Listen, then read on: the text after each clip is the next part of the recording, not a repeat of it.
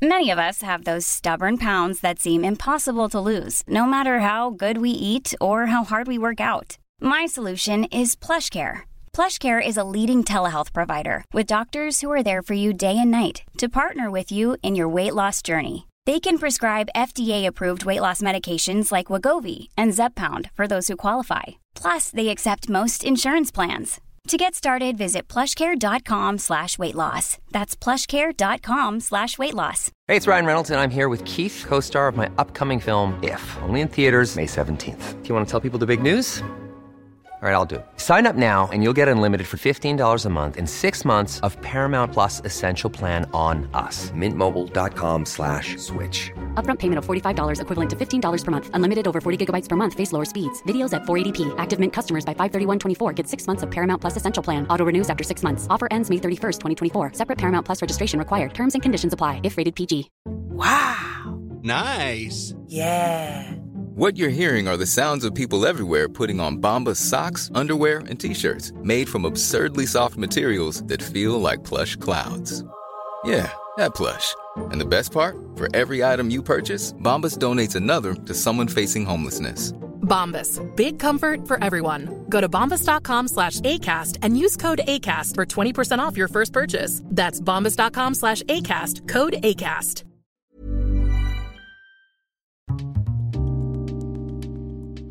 Det här programmet handlar om en noga utvald bok och ett samtal med dess författare. Välkommen till Lära från lärda. Idag har jag en bok i min hand som jag har läst som heter Chibolett-effekten. Ledarskap, konsten och människans ansvar. Mitt emot mig sitter Julia Romanovska. Välkommen! Tack så hemskt mycket. Jag brukar alltid börja med att gästen får presentera sig själv. De senaste 20 åren så har jag forskat. Men innan dess har jag haft ett antal olika yrken. Jag är utbildad slagverkare från Kungliga Musikhögskolan och har spelat med Stockholms Filharmonikerna och Sveriges Radio Symfoniorkester. Har också spelat med teatrar, Dramaten, Stadsteatern och så vidare. Jag har också läst IT och har arbetat som programmerare, systemerare, verksamhetsanalytiker, managementkonsult. Och I samband med det så kom jag i kontakt med ledarskap. Och då blev jag intresserad eh, av eh, de processer som händer eh, i grupper. Och så utbildade jag mig då, gick på Försvarshögskolans de här standardiserade kurser som de hade. UGL och UL och blev certifierad handledare och har arbetat med dem ett antal år. Jag har samtidigt under eh, många år hållit i en litterär salong. Förutom då att, att, att, eh, att vi visade olika dokumentärfilmer så hade vi också uppläsningar av, av litteratur och musik. Och ur just de här eh, salonger växte Shibboleth-föreställningar fram. Det är där jag började då framföra eh, föreställningar och eh, efter varje konstnärlig upplevelse så har vi samtalat med publiken. Det fick mig att inse hur människor blev påverkade av de här föreställningarna. Det var då idén föddes att använda sig av Shibboleth-föreställningar som ett alternativ till ledarskapsutbildning. Som Eftersom, en typ av ledarskapsutveckling? Ja, precis. Så, som ja, precis. Mm. Eftersom påverkan var så, så stark och så spontan samtidigt som jag var mer och mer frustrerad eh, när jag ledde de här standardiserade utbildningarna.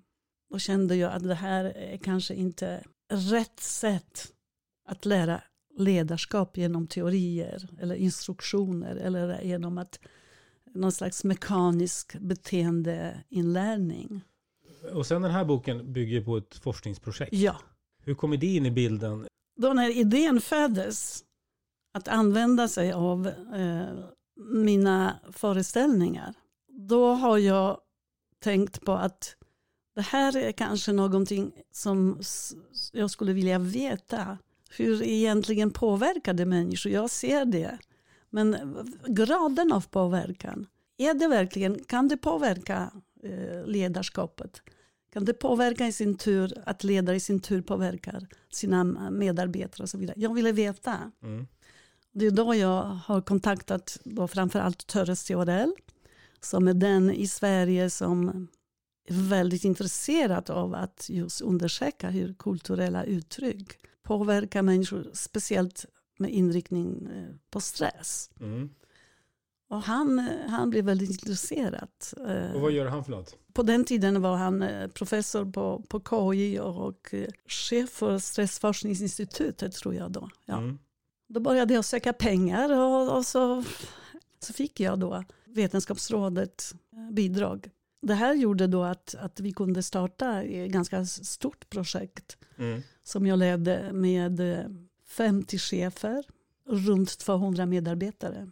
Och under vilken tidsperiod genomförde, när var det här i tid? Det var 2007 till 2008. Ja, det ledde till att jag då sedan doktorerade och skrev min avhandling 2014 vid eh, Ja. Karolinska i Så att du är doktor i, medicinedoktor. just det. Och då kommer vi fram lite mer till den här boken, för att den här, vad det är som handlar om och vad det går ut på. Och om, om jag ska försöka säga någonting för att man hänger med som lyssnare här, så, så är det ju, ni gjorde det här forskningen och tittade, ger det här bättre resultat, utvecklar det här chefer och ledare på ett annat sätt än vanlig klassisk, om man får kalla det för det, eh, utbildning, ledarskapsutbildning. Ja, precis. Eller hur? Och, och det är det som boken handlar om och beskriver vad skillnaderna är och vad, vad det går ut på. Precis, beskriver själva eh, forskningen, experimentet, resultaten och sen reflektion kring resultaten. Om, om man tänker själva, för du du diskuterar ju det, det här med själva, vad ska man säga, svagheterna med den vanliga klassiska ledarskapsutbildningen. Jag tror att det, det är lite en illusion att, att tro sig ha recept på goda ledarskapsideal. Och dessutom utifrån föreställningar om inneboende mänsklig godhet. Det finns faktiskt bristande empirin för, för sådana modeller. Dessutom så tror jag det är en farlig idé, en farlig tanke att teoretiskt bestämma hur människor ska i praktiken bete sig. Vad är rätt beteende? Vilka är de rätta värderingar och så vidare. Mm. Eftersom varken människan och etiken är inte vetbara på samma sätt som naturen. Människan är social och psykologisk varelse och, och, och, och eh, rörlig och svårt att bestämma exakt. Så det finns ingen sådan lära. Och handlingen, handlingens område är det sannolikas område. Människan är skiftande och i ständig rörelse som jag sa. Att lära ledarskap som bygger på de här idéer och teorier kändes efter ett tag när jag själv arbetat med mig Mm. inte tillräcklig. Det här handlade om, om ledarskap och det, det var inte att lära sig vara en ledare. Just det. För, jag tänker, jag, jag har haft flera eh, gäster här genom åren med ledarskapsböcker där man pratar mycket om motivation, hur man skapar engagemang eh, och så vidare. Det finns ju många olika begrepp i, inom ledarskapslitteraturen Mm. som återkommer sådär. Jag kan väl säga så här. Jag inriktar mig på någonting annat. För mig, det viktigaste i det här fallet det är att humanisera ledarskapet. Att, att återuppväcka omdömesförmågan hos ledare. Och eh, en djup känsla av moralisk ansvar. Det är det som jag inriktar mig på. Det är det som är viktigt tycker jag. Eftersom på, på deras axlar vilar vår väl. Sen finns det givetvis ett flertal, många olika sätt man kan bete sig. Men de sätten är så pass olika. Vi kan inte ha en recept på hur en ledare ska vara för att vara en bra ledare.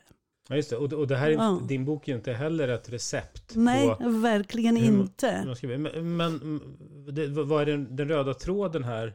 Är väl att man utvecklar människan, utvecklar ledaren. Den växer, alltså både moraliskt och... Alltså den, Mm. den växer snarare än att den ska nå ett visst resultat. Tänker jag rätt då? Jo, jo, precis. Och det här är att inrikta sig på lite djupare skikt i, i din personlighet. Och jag vill bara eh, också nämna det här vad makten gör med människor. För det är en väldigt viktig aspekt när du får, eh, du får en formell makt. Vi vet att makten utövar en ganska stark förödande kraft på, på ledare. Och makten korrumperar oss och berusar oss. Vissa säger att det påminner nästan som om en hjärnskada. Alltså våra empaticentrum, vårt empaticentrum i hjärnan, det, det påverkas. Mm. Och då, de här prosociala förmågorna vi har, de som är riktade mot andra människor, de krymper. Bevisat. Ja, alltså studier. hjärnforskning visar det. Mm. Så vad vi behöver är en kraft som ska motverka detta och inte förstärka. Och därför så, min idé var att kasta chefer ut ur deras ego. Ur maktens ordning som är de vana vid. Så att de konfronterar livet i sin helhet som det, det är. Alltså verkligheten som den är. Utan att det obehagliga förpassas. Så de behöver, ledare behöver inse det allvarliga i deras ansvarstagande. Och det allvarliga är som filosofen Harald Avstad sa. Att människor lider, förnedras, förtrycks och har det svårt. Och eh, man leder som man lever, alltså den människa man är. Det är inte en roll. Så du, du, eftersom om, om man tänker sig ledarskap som en roll, då har du lätt att distansera dig. Då kan du säga att jag gör det här eftersom min roll kräver det, min profession kräver det. Annars i det privata livet skulle jag kanske inte göra på det sättet. Nej, precis. Så vi kan inte tillämpa som chef alltså färdiga algoritmer och, och vackra principer som dessutom döljer världens sår. Utan man måste gå omvägar och för mig, omvägen och för mig var omvägen konsten. Så det är där jag kan återknyta varför just använder jag mig av eh, konstnärliga uttryck. Mm. Vi ska prata om sen vad själva den här utbildningen innehåller, vad, vad det handlar om, alltså hur det går till. Men jag tänkte innan det, ska vi prata om studien, resultatet av studien först. Så, Okej. att, att, det- så att man sen, eh, för jag tänker det, någonstans att man bär med sig att det handlar ju om att utveckla då, som vi har pratat om, eh, ledaren, människan i, och andra områden än det klassiska eh, ledarskapsutbildningarna Mm. brukar rikta in sig på. Mm. Men eh, ni gjorde den här studien som, var, som du beskrev tidigare. Vad visade de resultaten? Och hur gick det till? Eh, Vill du att jag ska berätta lite upplägget med studien? Ja, lite kort. Ni Lite väldigt kort, ja. två jämförbara grupper. Ja, ja, precis. Det är två jämförbara grupper och eh, det här var randomiserad studie, kontrollerad så att Shibboleth-konceptet utvärderades mot eh, traditionell ledarskapsutbildning. Och eh, det var kontrollgruppens då, program och den genomfördes i försvarets regi och byggde på deras pedagogik, Försvarshögskolans pedagogik och ledarskapsmodell. Och också då leddes av eh, professionella ledarskapsutvecklare. Så det var kontrollgruppens program. Eh, och det, eh, bägge programmen pågick ett år med 12 möten. Varje möte var tre timmars långa. Så deltagare, de här 50 chefer som vi antog, de delades, randomiserades alltså slumpmässigt i två grupper. Så medan kontrollgruppen fick all information, precis som man brukar göra, så har, eh, så har Shibboleth-gruppen bara fått en adress där de skulle befinna sig. Ingen information om, vad det, om innehållet eller någonting annat heller. Men, eh, och, Så, utan att vi ska gå in på Ja. vad de fick göra, vi sparar Nej. lite senare. Då tänkte jag så här, resultatet av studien. ja. Och resultatet var så här att eh, vi, har, vi hade två uppföljningar. Eh, det är viktigt att säga eftersom eh, den första uppföljningen var två månader efter utbildningens slut och den andra var tio månader, åtta månader till tio månader senare. Så vad vi fann det är att det var, vi fann slående skillnader mellan grupperna.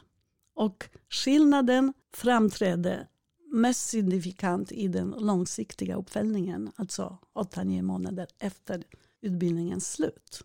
Så jag börjar med Shibboleth-gruppen. Både chefer och medarbetare visade sig minskade stresssymptom hos dem. De mådde bättre, de var mer energiska, de var gladare, mindre trötta och de sov bättre dessutom. Deras självkänsla ökade och de hanterade konflikter på öppnare sätt och mer adekvat. Och det här bekräftades av biologin. Vi har tagit blodprov på alla, både chefer och medarbetare.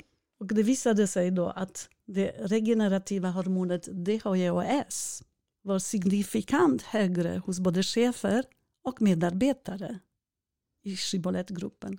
Det vill jag också betona att medarbetarna de deltog inte i själva utbildningen. Så all De på, effekt... påverkades av sina chefer Ja, precis. genom Det, sina chefer. är, exakt. Så Mm. det var en, en, en följd av hur chefer reagerade gentemot. Mm. Så det är påverkan och det är vikt, viktigt att säga. Så vad man kan sammanfatta att både den neurobiologiska och psykologiska motståndskraften eller resiliens var alltså högre i Shibboleth-gruppen hos medarbetare och chefer än i kontrollgruppen. Medarbetare har också utvärderat sina chefers ledarskapsbeteende. Och då visade det sig då att i Shibboleth-gruppen så uppfattade medarbetare att cheferna var mindre undvikande, hade större mod att ta ställning i viktiga frågor och sedan ta ansvar för sina beslut. De hanterade också stress på ett bättre sätt. Totalt kan man väl säga att ansvarstagande hos cheferna ökade enligt medarbetare. Mm. Och de här psykologiska tester som jag nämnde eh, visade på att eh, chefer verkade lite mer elastiska och, och, och mer verklighetsförankrade. Eh, deras prosociala motivation, alltså de här förmåga som tillit, altruism, medkänsla, hjälpsamhet, alla de här, den ökade. De helt enkelt motiverades mer av att bidra till något större än sig själv. En sak till kan jag nämna, vilket är väldigt intressant. Det är att eh, cheferna skattade sig själva mer kritiskt efter utbildningen än före. Du, de skattade sig? Jag skattade, alltså de, eh, cheferna skattade sitt beteende, så det var självskattningar. Mm. Och då visade det sig att de, de här självskattningar var lägre än innan utbildningen. Det var mer självkritisk. Just det, men man skulle kunna beskriva som att motsatsen skulle vara någon som tycker att jag, ja, jag vet bäst, jag gör alltid Ja, det kommer. rätt. Nu, det hände Ja. i kontrollgruppen. Alltså, cheferna själva, och det är i motsats till, till Shibboleth-chefer, skattade sig som bättre chefer med större självförtroende och, och eh, uppfattade sig som mer effektiva, mer målmedvetna, mer inspirerade och så vidare. Medan medarbetare uppfattade motsatsen. Så där uppstod också en väldigt stor diskrepans, en talande diskrepans mellan vad medarbetare tyckte och vad cheferna tyckte själva. Och nu när jag pratar om kontrollgruppen då kan jag berätta de andra resultaten då. Det visade sig att stresssymptom ökade hos chefer, också hos deras medarbetare. Förmågan att hantera påfrestningar minskade. Så alltså försämrad psykologisk och biologisk resiliens hos både chefer och medarbetare. Även medarbetare uppfattade chefers ansvarstagande signifikant försämrande. Alltså deras laissez-faire-beteende ökade. Låt-gå-beteende ökade. De verkade mindre engagerade, undvikande, mera fega. Som helhet kan man ju säga att det här är ju inriktat på att utveckla människan på något plan om man ska sammanfatta det. Mm. I boken nämns visdom, vilket jag tycker är bra. Och jag hade haft en bok tidigare om det här som handlar om eh, psykologisk utveckling, eh, alltså personlig psykologisk utveckling, där man utvecklas genom livet och att man kan liksom utvecklas olika mycket och sådär. Mm. Eh, Alltså det, det är liksom inne på det området någonstans. Det jag tänkte när jag läste den, det är ju så här, det här är ju bra för alla människor, oavsett yrke. Alltså att utveckla en människa med att nå liksom nya tankesätt och dimensioner Mm. och förstå saker och visdom och allt det här. Varför är det en led, just en ledarskapsutbildning? Varför är det inte en människoutbildning? Förstår du vad jag menar? Ja, ja, såklart att jag förstår vad Mm. du menar. Mm. Det, är, det är givetvis så som du säger. Det, det, det är inte en, någonting som avser enbart chefer. Jag riktar mig till chefer eftersom de, de har makt och de kan påverka väldigt mycket i världen. Och deras påverkan kan vara antingen positiv, kan, de kan göra mycket gott men de kan göra mycket ont. Min tanke var att påverka just den gruppen Men det är inte så att det är dedikerat enbart till chefer. Eh, Nej. Eftersom det här, som du sa precis, det, här är, det handlar om att nå djupare skikt av personlighet och påverka till en psykisk fördjupning eh, och mognad. Mm. Så man kan väl se Shibboleth som något slags eh, kultiveringsprojekt. Där man genom starka konstnärliga upplevelser, erfarenheter arbetar med sina dygder. Med, med omdömesförmågan, med känslor, viljestyrkan och så vidare. Det är egentligen ingenting nytt. Utan i den atenska, atenska demokratin var kultiveringen av dygder väldigt central. Och då, då kallades det paideia, utbildning. Och då i sin, det var unga människor, i synnerhet framtidens ledare som skulle kultivera sina dygder, sin karaktär och sin Mm. själ och så vidare. Och i det här fallet handlar väldigt mycket om att utveckla, du nämnde ordet visdom, praktisk visdom. Mm. Det som Aristoteles kallar phronesis. Så, Så- att man i ovissa situationer har utvecklat just den här dygden att kunna snabbt orientera sig. Vad är viktigt och vilket beslut man ska ta. För det behöver man ha det som jag beskriver i boken som estemetik, estemetisk eh, förhållningssätt. Det är både det estetiska, det emotionella och etiska Precis. som samspelar. Då. I'm Sandra, and I'm just the professional your small business was looking for. But you didn't hire me because you didn't use LinkedIn jobs. LinkedIn has professionals you can't find anywhere else, including those who aren't actively looking for a new job but might be open to the perfect role, like me. In a given month, over 70% of LinkedIn users don't visit other leading job sites. So if you're not looking on LinkedIn, you'll miss out on great candidates like Sandra. Start hiring professionals like a professional. Post your free job on linkedin.com/people today. Hey, it's Ryan Reynolds, and I'm here with Keith, co star of my upcoming film, If, only in theaters, May 17th. Do you want to tell people the big news? All right, I'll do. it. Sign up now and you'll get unlimited for $15 a month in six months of Paramount Plus Essential Plan on us. Mintmobile.com slash switch. Upfront payment of $45 equivalent to $15 per month. Unlimited over 40 gigabytes per month. Face lower speeds. Videos at 480p. Active Mint customers by 531.24 get six months of Paramount Plus Essential Plan. Auto renews after six months. Offer ends May 31st, 2024. Separate Paramount Plus registration required. Terms and conditions apply if rated PG. Millions of people have lost weight with personalized plans from Noom, like Evan, who can't stand salads and still lost 50 pounds. Salads, generally, for most people, are the easy button, right? For me, that wasn't an option. I never really was a salad guy. That's just not who I am. But Noom worked for me. Get your personalized plan today at Noom.com. Real Noom user compensated to provide their story. In four weeks, the typical Noom user can expect to lose one to two pounds per week. Individual results may vary. Om vi ska komma in lite på vad den här utbildningen innehåller eller vad, vilka delar man jobbar med. Man får liksom en, Mm. en uppfattning. Alltså vad, vad innehåller vad, är det, vad går det ut på? Ska jag först ta det mycket mer konkret? Det som händer är att deltagarna kommer, de skriver några minuter, precis vad de vill. Sedan får de lyssna på en föreställning. Och efter den här timmen så skriver de igen själva. Och sen är det samtal i, i hel grupp. Både eh, det de skriver, sina reflektioner och samtal är icke styrd. Utan det är helt fritt. Prata om vad man vill. Skriva vad man vill. Det är en väldigt viktig regel. Och efter kanske några dagar så får de hemskickad en eh, protokoll över samtalet och sedan reflektion. Det finns en, en samtalsledare som inte har den vanliga moderatorsrollen utan har eh, mycket mer som själv kan känna sig som en del av gruppen och eh, yttra sina subjektiva upplevelser av föreställningen. Så här är det ungefär varje gång, tolv gånger var det eh, under projektet, exakt samma, samma ramar. Det var det som, som var det själva praktiska genomförande.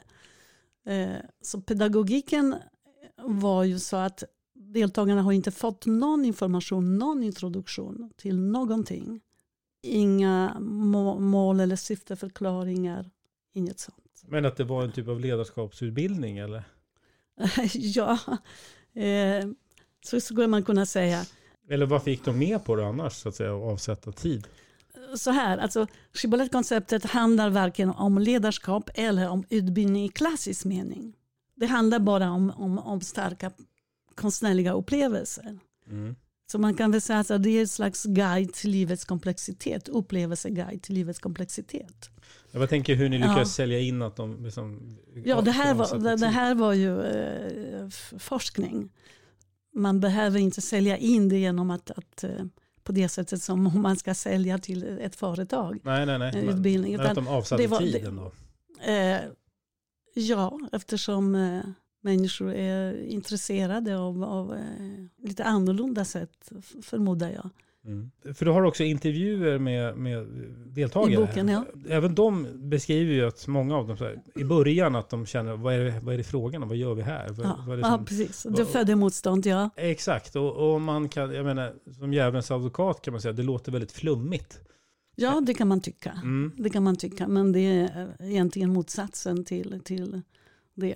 Och dessutom med tanke på hur noga vi har utvärderat eh, studien med alla möjliga vinklar, både, både biologiska, och psykologiska och beteendemässigt och kvalitativa och kvantitativa metoder och eh, flera nivåer på utvärderingsmodellen. Där, dessutom så subjektiva och objektiva och blodprover. Så, så det är, Mm.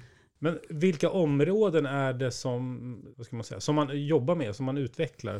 Ja, alltså, jag kan inte svara på det på det sättet eftersom det är inte så att det finns något slags... Eh, jag har mål, så här, ah, nu ska vi jobba med parti och det här ska vi jobba med medkänsla, det här ska vi jobba med stresshantering. Då skulle allt det här rasa på något sätt. Eh, det här var ju en ren konstnärlig upplevelse. Det är, och eh, precis som när du går på, på teater eller, eller lyssnar på musik så ingen kan säga till dig nu ska du känna så här eller nu ska du tänka på att utveckla det här eller något sånt. Men vad, om man säger så här, vad, vad var det gemensamma då för alla som deltog? Det måste vara någon som alla, så att säga, även om det var individuella exaktheter eller vad man ska säga. Eh, Jag tror att du frågar om hur deltagarna upplevde subjektiva upplevelser av det här. Vad har hänt med Ja, dem? exakt. Ja, Ja, mm. ja precis. Eh, Då ska jag lyfta fram det, det som av vetenskap har identifierats som har starkt transformativ förmåga och, och sätter igång en prövande psykisk arbete. För det är det det handlade om.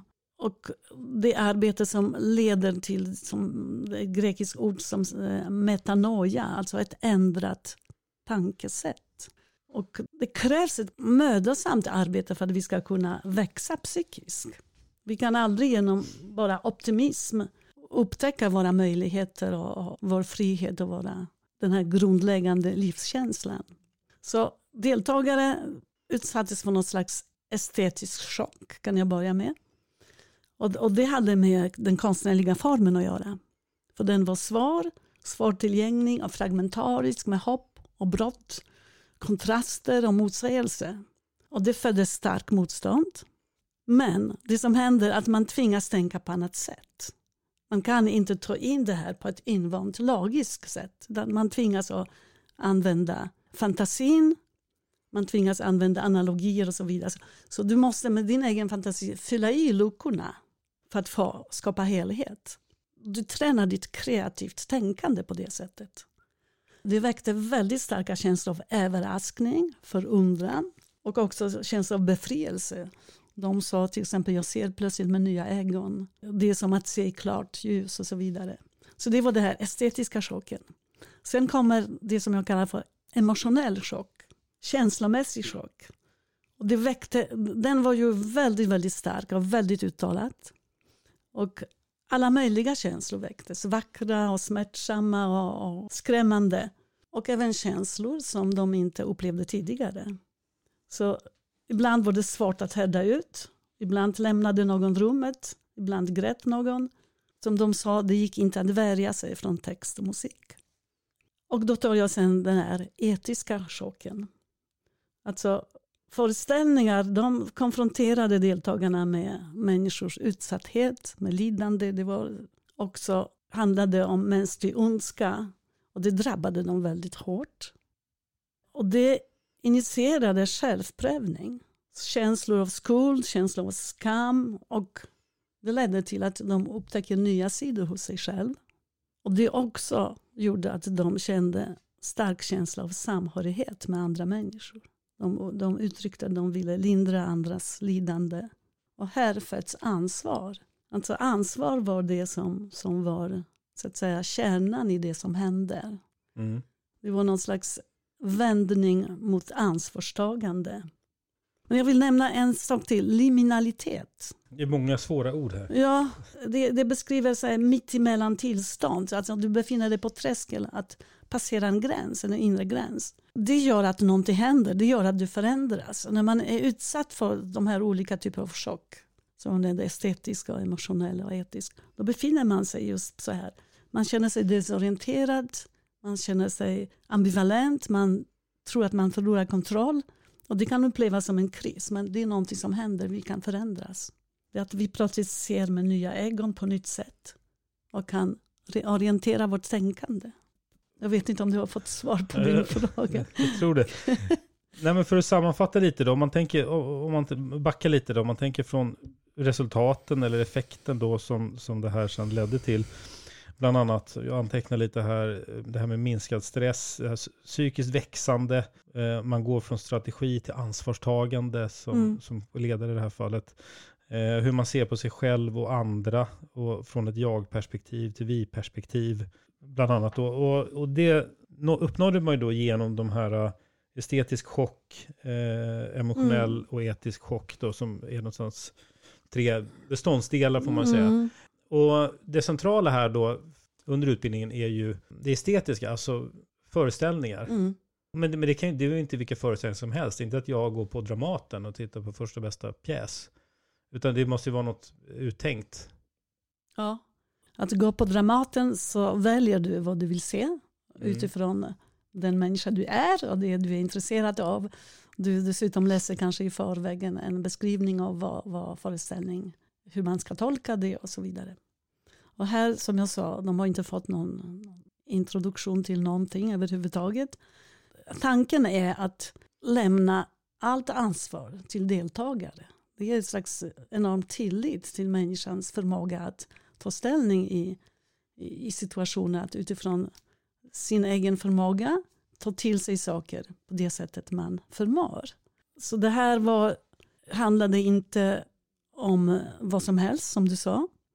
Utan de här föreställningarna, det är jag som eh, har skapat dem och det är de som jag har använt eller har, eh, jag har inte utvecklat dem just för forskningen. Utan jag har tagit dem från min litterära salong där jag har redan tidigare utvecklat dem. Så det var inte så att jag tänkte att ah, den här texten skulle vara bra just för att väcka medkänsla eller ansvar eller något sånt.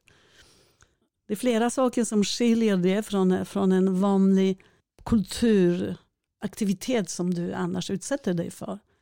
Det är den konstnärliga formen i sig som, var, eh, som är lite annorlunda. Eh, för den, den, den, den är lite försvarad, fragmenterad. Eh, jag blandar olika typer av texter. Eh, poesi, prosa, dokumentära texter, filosofiska eh, kommentarer. Det här är fragment som jag klistrar ihop. Och sen så har jag inspelat musik som också är fragment. Det här är som en ridning på, på en scen. Så du, har, du kan inte komma undan ordet. Eftersom det är ingen som spelar någon roll. Det, det, det är inga skådespelare som agerar. Och då är det svårt att, liksom, det finns ingen distraktion. Så orden drabbar dig på, på ett eh, starkare sätt. Alltså du får höra texterna. Ja, precis. Okej. Man, man, man läser texter, det är ingen som agerar. Ja, för man blir nyfiken på. Ja. För, för, för just den biten beskriver du inte i boken. Alltså den exakta innehållet i... Och det finns en liten beskrivning i, eh, Ja, i man- metodbeskrivning. Där. Ja, ja, men precis. Ja, men jag tänker, det, det är inte... Det är ingen Det, det YouTube-video. Nej, liksom. precis. Det är ingen video, nej. Det är därför jag blir nyfiken på det. Innehållet handlar uteslutande om svåra existentiella ämnen. Mm. Och de Eh. är speciellt utformade för det här. Det är, som du sa, det är inte att man hittar någon, eh, den där pjäsen där borta. Nej, utan det, det, det, är utifrån, eh, som jag, alltså utifrån mitt sätt att, att, att, se och mitt sätt att, välja. Det är precis som, ja, men alltså, vem som, vilken konstnär som helst målar en tavla. Ska man säga, varför tar du grönt här? Ja. Så där kan jag inte förklara varför just den texten är så. Men, eh, men alltså, det, det, handlar om tragiska erfarenheter. Ofta borta de, de egna upplevelserna. Alltså det, det handlar inte om här nu i Sverige. Mm, mm. Eh, så, så det, det, är inte så att man kan lätt känna igen sig Nej. i de här texterna. Utan tvärtom. Och de är tagna ur olika källor som jag sa. Och framförallt stora författare. Som jag tar fragment eh, ifrån. Musiken har ju otroligt viktig roll här. Eh, lika viktig som texter. Och den är ofta väldigt känslomässig, expressiv, intensiv. Och den har någon slags multimodal effekt, att den förstärker texten. Mm. Eh, vilket deltagarna har flera gånger då sagt. Då. Så, så därmed så, så, så förstärker det reflektion. Sen det här sceniska framförandet som jag sa som, som eh, inte tillåter någon distraktion. Men man kan väl säga att den här, både den konstnärliga formen, innehållet och framförande ska beröra men också störa. Då finns det den här balansen mellan inlevelse och distans som, som gör att eh, du går in i det här känslomässigt. Det väcks många känslor. Som jag sa, ibland eh, folk klarade inte av att stanna kvar utan lämnade rummet. Men samtidigt så behåller du din förmåga till reflektion. Så du förlorar du inte helt och hållet i något slags sentimentala känslor. Utan och de fick reflektera tillsammans? Här. Sen efteråt mm. så fick de reflektera tillsammans. Och det var också viktigt. Mm. För de flesta var det viktigt, inte alla. Men reflektion eh, var viktigt för att upptäcka bland annat eh, olika upplevelser. Hur, hur annorlunda människor upplevde saker och ting. Mm. Det är vida känt liksom att konst och kultur utvecklar människor på olika sätt. Men det här är ju också ett, vad ska man säga, ett projekt där man har mätt det. Eh, ja, på ett sätt, och, och, och, verkligen format det på ett sätt att kunna liksom verkligen visa på utveckling. Jag tänker också, vad, vad, har, alltså, vad har det här lett till? Har det här som använts? Vad är responsen eh, på boken? Och är det här någonting, det här Chibolett någonting som har som används i framtiden för projektet? Ja. Boken har kommit ut för exakt två år sedan.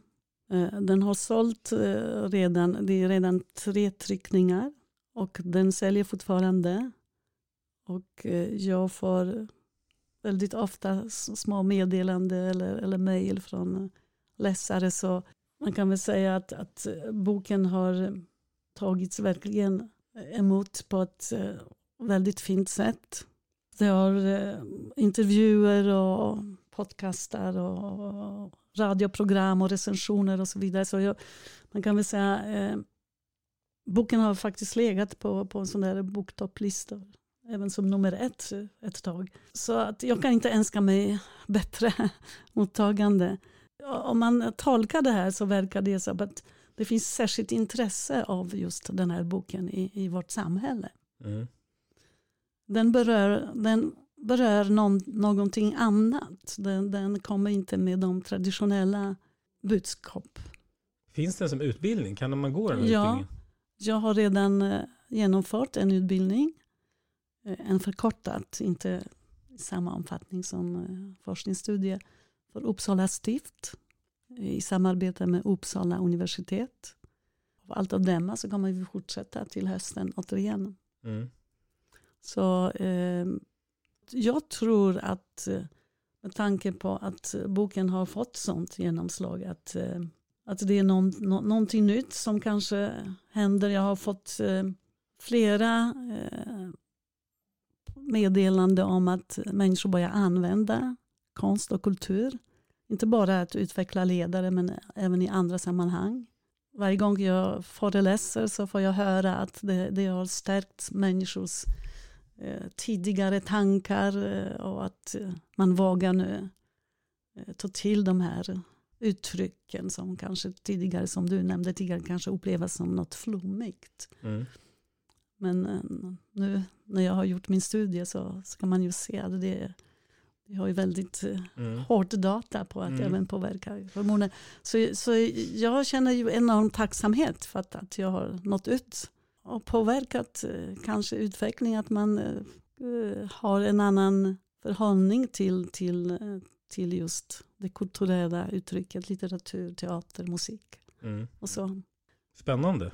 Ja, jag tror att i framtiden eh, behöver vi ännu mer ett ledarskap som, som bygger på praktisk visdom och inte på, på regler och rutinmässigt beteende. Ja, jag tänker därför kanske det kommer i framtiden bli ett ökat intresse för Mm. det här. Jag brukar ha som sista fråga, förutom att läsa boken, har du någon rekommendation till de som lyssnar? Vara öppen mot världen och aktivera det här som jag kallar för estematik. Att eh, ha mod att eh, ta in världen, eh, använda sin föreställningsförmåga och också att eh, gå in känslomässigt i saker och ting. Framförallt känslor kopplade till andra människor, inte de egocentriska känslor. Sedan att det kanske landar i någon slags etisk reflektion. För varje möte med människan är ju ett etiskt möte. Mm.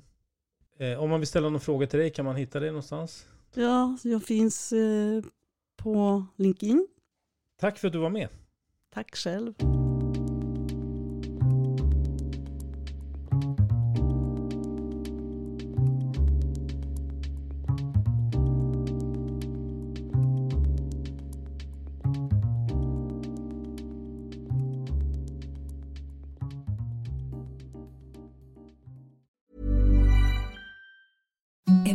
The softest sheets you've ever felt. Now imagine them getting even softer over time. That's what you'll feel with Bowl and Branch's organic cotton sheets. In a recent customer survey, 96% replied that Bowl and Branch sheets get softer with every wash. Start getting your best night's sleep in these sheets that get softer and softer for years to come. Try their sheets with a 30-night guarantee. Plus, get 15% off your first order at bowlandbranch.com. Code BUTTERY. Exclusions apply. See site for details.